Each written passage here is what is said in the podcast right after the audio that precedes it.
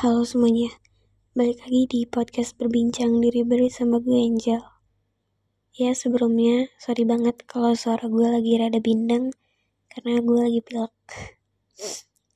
Seperti judulnya, hidup bukan sebuah perlombaan.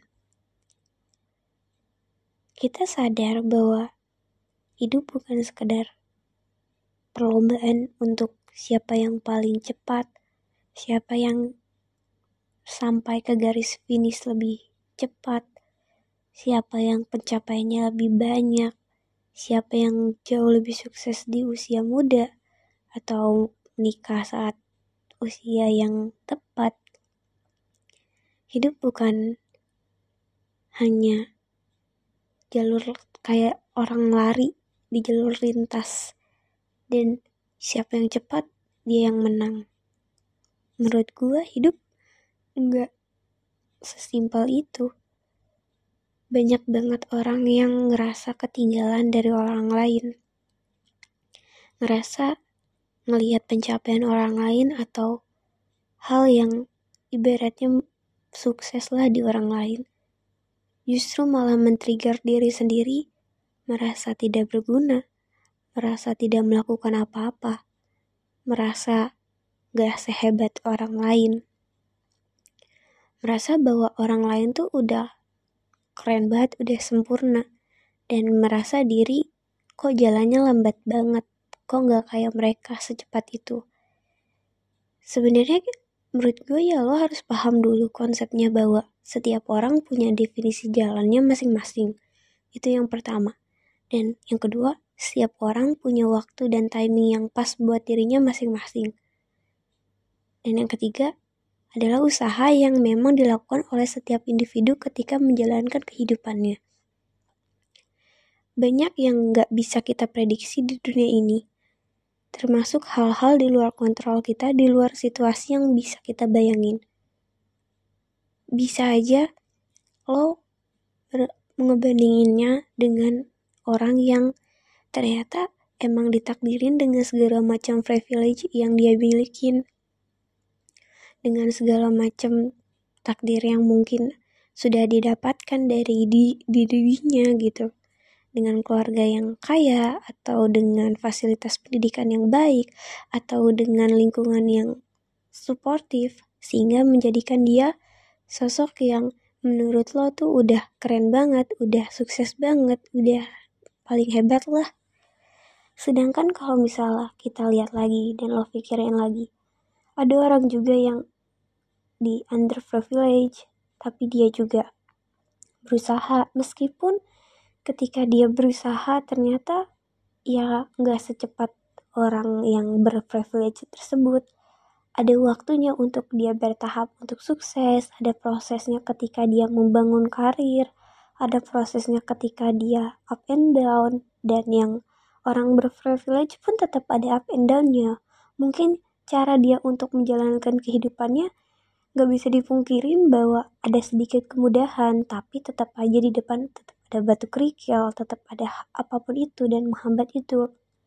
Dan ya ketika lo sadar bahwa lo punya jalan yang berbeda, lo punya waktu yang berbeda, dan lo harus punya usaha juga yang berbeda.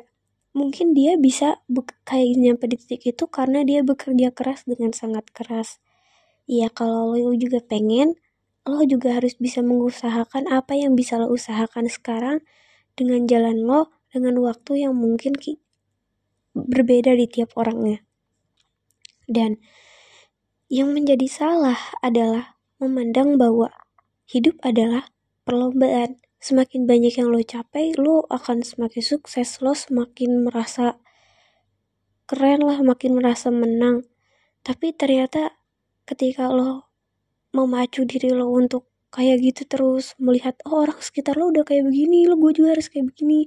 Dengan dengan dengan hal yang ngebuat diri lo tuh jatuhnya nggak sadar juga sebenarnya tujuan lo tuh apa. Sebenarnya jalan lo tuh emang harus sama kayak orang lain kah? Apakah harus sesuai dengan yang orang lain lakukan? Sebenarnya mengupgrade diri memacu hal pada hal positif untuk produktif menurut gue tuh keren banget lo melakukan sesuatu yang menjadikan diri lo jauh lebih baik tapi lo juga harus ada sadar sama kapasitas diri lo, sama tujuan apa yang emang pengen lo capai. Apakah yang lo lakukan ini sesuai dengan tujuan lo, atau hanya menjauhkan diri lo, atau hanya cuma sekedar menambah waktu luang. Dan kenapa juga lo harus sama dengan orang lain? Kenapa lo harus kayak dia? Kenapa lo harus mencapai ini dan itu dengan segala macam kalau patokannya dia? Dengan target bisa jadi target dia. Padahal yang lo punya nggak kayak gitu. Ya lo harus evaluasi lagi diri lo. Pertanyakan lagi. Emang kalau kita sama kayak orang lain kita menang ya? Emang kalau kita jauh lebih banyak pencapaiannya dari orang lain atau lebih lebih sesuai dengan timeline atau waktu yang orang masyarakat kita bilang. Itu kita menang ya. Sebenarnya ini semua tuh ya mungkin pressure dari tekanan lingkungan masyarakat juga terkait waktu dan apa ya namanya perspektif-perspektif tentang kesuksesan itu sendiri atau tentang kebahagiaan itu sendiri. Tapi semua itu balik lagi ke dalam diri kita. Apa yang mau kita ambil? Apakah yang masyarakat itu pikirkan yang akan kita turuti? Nah, ada lagi yang konsepnya kita ngeliatin terus ke atas. Kita merasa kita kurang terus.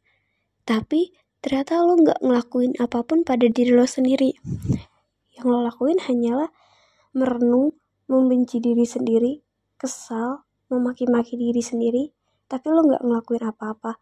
Dan lo hanya bisa mengeluh dan nggak bergerak.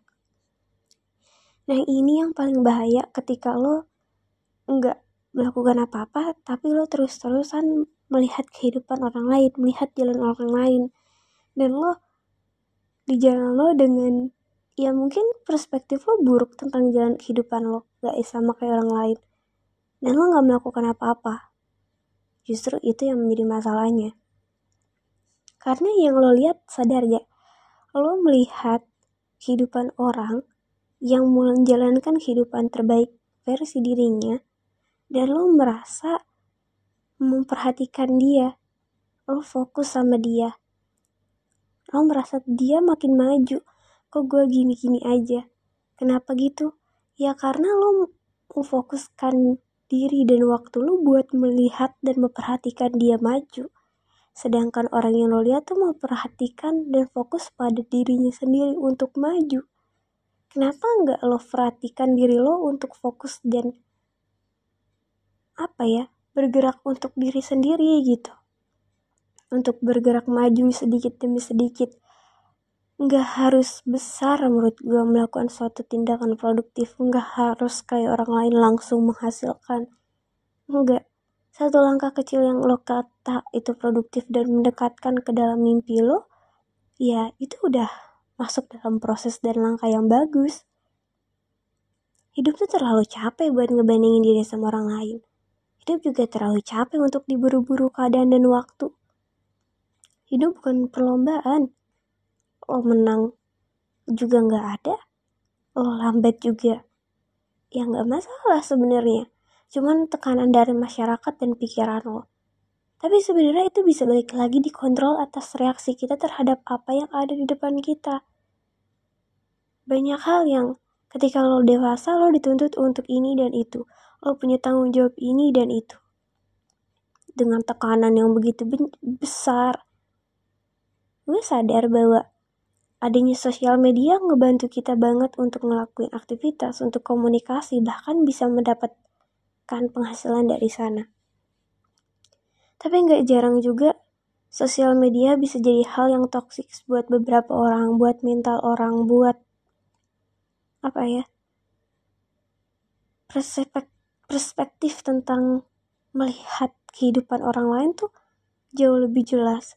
Privasi kehidupan orang lain bisa saja terlihat dari sosial media. Dan menurut gue ketika mental lo lagi stabil, ngelihat kehidupan orang bahagia, lo mungkin bisa ikut bahagia.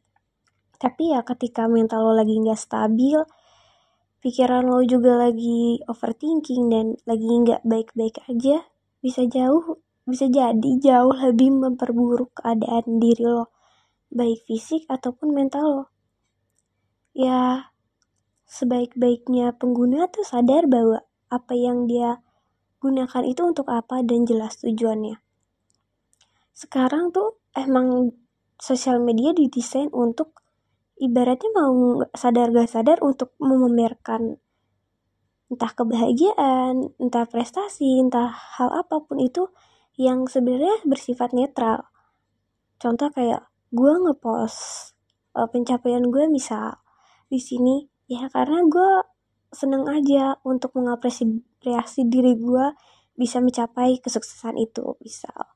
Terus temen gue ngeliat pencapaian gue itu di luar kontrol gue dan tujuan gue yang tadi.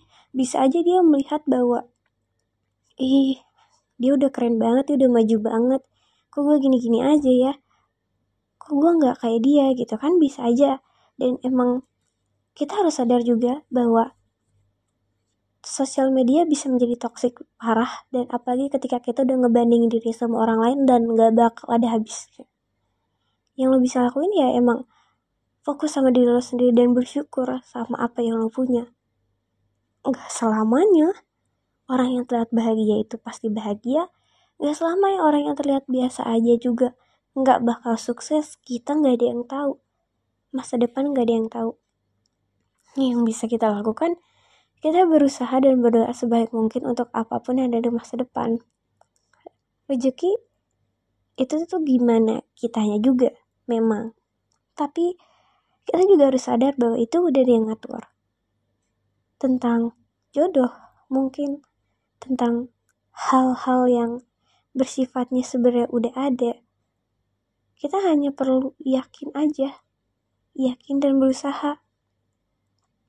Dan tentang banyaknya problematik di era zaman modern ini tentang adanya informasi yang begitu cepat, internet yang begitu cepat, itu juga tanpa kita sadari masalah-masalah itu banyak muncul juga setelah adanya beberapa kemudahan yang juga muncul. Jadi gue pengen lo sadar bahwa gak, gak harus selalu sama waktunya dengan orang lain. Gak harus selalu sama jalannya sama orang lain. Seudah sering banget yang gue bilang. Titik lo mulai sama titik orang lain itu berbeda finishnya pun bisa saja berbeda dan endingnya pun bisa aja berbeda gue juga pernah dengar kalau misalnya kita juga diciptakan dengan wajah yang berbeda dengan segala macam yang berbeda agar kita merasakan cerita hidup yang berbeda dari orang lain dengan segala macam faktor lingkungan keluarga privilege itu semua menjadi satu kesatuan dari jalan cerita kita jadi dinikmatin jalan ceritanya Meskipun mungkin terdengar pahit, tapi jadilah sahabat terbaik buat diri sendiri di apa pun situasi yang tersulit. Kalau emang butuh bantuan orang lain, hubungin orang-orang terdekat atau mungkin orang yang memang bisa terpercaya. Ya sekian dari gue, gue harap dari podcast ini bisa ada yang diambil manfaatnya. BTW, ini adalah episode ke-100 yang udah gue buat. Kalau lagi ngedengerin ini ya makasih banget untuk supportnya ya mungkin terima kasih banyak sehat-sehat semuanya